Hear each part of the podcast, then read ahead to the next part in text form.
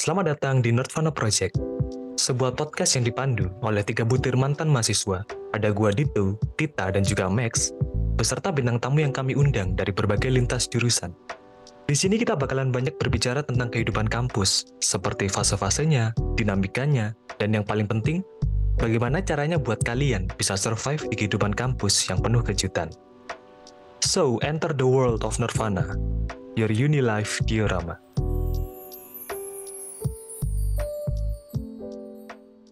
Halo semua pendengar setia Nirvana di mana pun kalian berada, kembali lagi bersama host kondang Nirvana Project gitu ya. Oke, jadi kan kemarin kita udah membahas tentang um, di prank dosen gitu karena kan ini masih bulan April ya jadi hawa-hawa ngepranknya tuh masih on point banget gitu. Walaupun udah udah mulai habis bulan April tapi gak lengkap kalau April itu tanpa ngeprank gitu ya. Kemarin kan kita udah bahas dari pengalaman gue sendiri dan juga dari pengalamannya Max sendiri gitu kan. Nah jadi hmm. sekarang kita mau membagikan pengalaman dari pendengar kita gitu. Wih, ini ada banyak banget guys, ada ratusan yang ngirim ke sini. Pak. Berapa juta, Tit? kita ambil yang bisa dimengerti aja ya, karena kebanyakan nggak bisa dimengerti. Banyak yang bahasa Rusia ya kalau nggak salah kemarin. Saking banyaknya gitu ya. Oke, jadi gini, pernah punya pengalaman ada kuis yang bobotnya setara UAS, UAS gitu ya. Hmm. Dosen gue juga bilang, nggak bakal ada uas karena udah diganti sama kuis ini. Eh hmm. ternyata pas waktu uas masih ada dengan alasan materi yang terakhir belum masuk di kuis kemarin. Hmm. Kuisnya buat apa itu? Oh, mungkin kuisnya buat ini. Kalau misalnya ujian jelek nanti skornya yang diambil yang kuis. Itu mungkin. Iya sih cuma mungkin kata-kata kata dosennya dari awal udah bilang hmm karena udah ada kuis ya nggak bakal ada uas kan gitu. Jadi mm-hmm. mungkin dia mikirnya kayak oh ya udah gue tinggal belajar kuis gitu. Nggak usah belajar uas. Ya kalau dua-duanya jelek ya. tapi lu pernah nggak sih kayak gini Mac?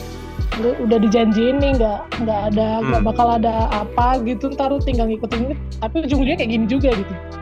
Kalau gue malah kebalikannya kita yang ngeprank dosen. Jadi ceritanya dulu nih kita punya dosen dia tuh kebiasaan kalau kalau ujian itu take home.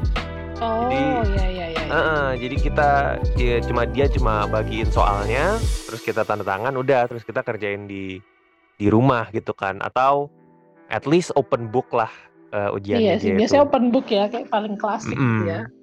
Jadi waktu itu kita udah siap-siap nih ujian take home. Ya udah nggak ada yang belajar dong, orang take home kita belajar di rumah aja. Eh tiba-tiba nih dosen masuk terus ayo kita mulai ujiannya. Take home kan pak? Enggak kita kerjakan di sini. Waduh gitu kan. Ini kita harus persiapkan strategi B ini akhirnya pada bilang ya pak kita nggak ada yang bawa buku pak. Nggak ada yang belajar ini. Kan kirain take home. Terus untuk dosennya baik gitu kan terus ya oh iya gitu ya. Ya udah take home aja. Padahal sebenarnya kita bawa sih anu ngeles doang ya biar ngeles doang biar bisa take home. Kayaknya untuk pendengar kita yang punya pengalaman itu mending sarannya adalah sedia payung sebelum hujan sih. Jadi eh, kita kuis aja ya nggak usah ada uas. Kuisnya udah setara uas jangan percaya guys. Kalau atau bisa, direkam guys di voice note. Iya ya, benar juga sih. Jadi kayak ada bukti gitu ya biar dosennya nggak pelintar pelintut gitu. Tapi lebih baik kalian belajar ya belajar dua-duanya lah jadi nggak kaget-kaget banget gitu ya. Hmm, hmm, hmm. biar nggak kena prank. Oke selanjutnya nih ada ada nih cerita gua sama dosen. Bilangnya kelas pengganti diadakan pas sebelum uas ternyata hmm. sebelum uas doi keluar kota. Kelas pengganti ya diadakan pas dia udah pulang. Nah ternyata uh, pas dia pulang itu adalah setelah minggu ujian habis. Di extend.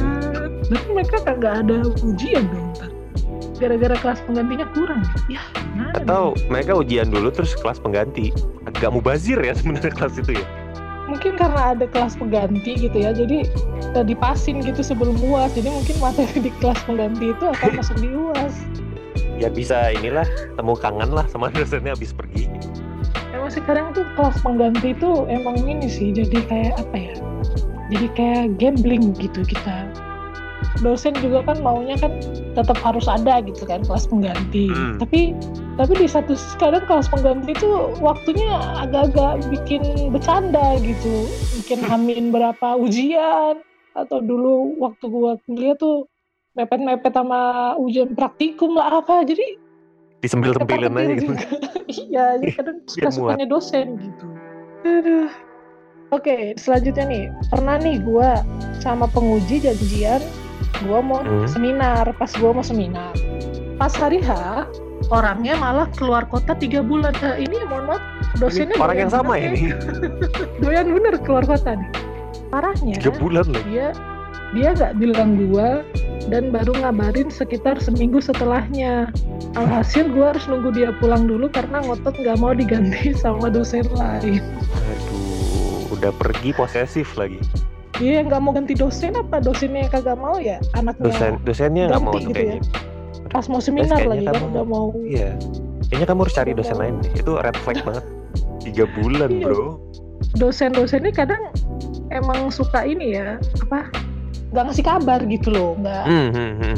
ya kan maksudnya kayak walaupun ya bukan masalah kayak gini aja sih maksudnya masalah-masalah yang kelas nggak ada atau apa tuh kayak ngilangnya cepet gitu udah kayak set gitu. Tapi nggak ada kelanjutannya gitu. Jadi kan kita mahasiswa jadi bingung kita harus gimana gitu kan. Makanya ditiru kan sama mahasiswanya. Mahasiswanya biasanya kalau udah semester tua dosen yang nggak Hilang. datang bentar aja udah hilang memberi contoh yang baik ya pak? Mau iya kita mencontoh teladan ngajar kita. Oke ini terakhir nih. Udah ada lima bulan ngerjain skripsi. Dosen Hmm. gua S2 keluar kota. Lagi tiga bulan. Lagi ini kenapa sih temanya S2 keluar kota dosennya. dosennya S2 keluar kota. Alhasil gue disuruh ganti dosbing dan ganti topik skripsi juga. Dan mulai dari awal. Hmm. Hah?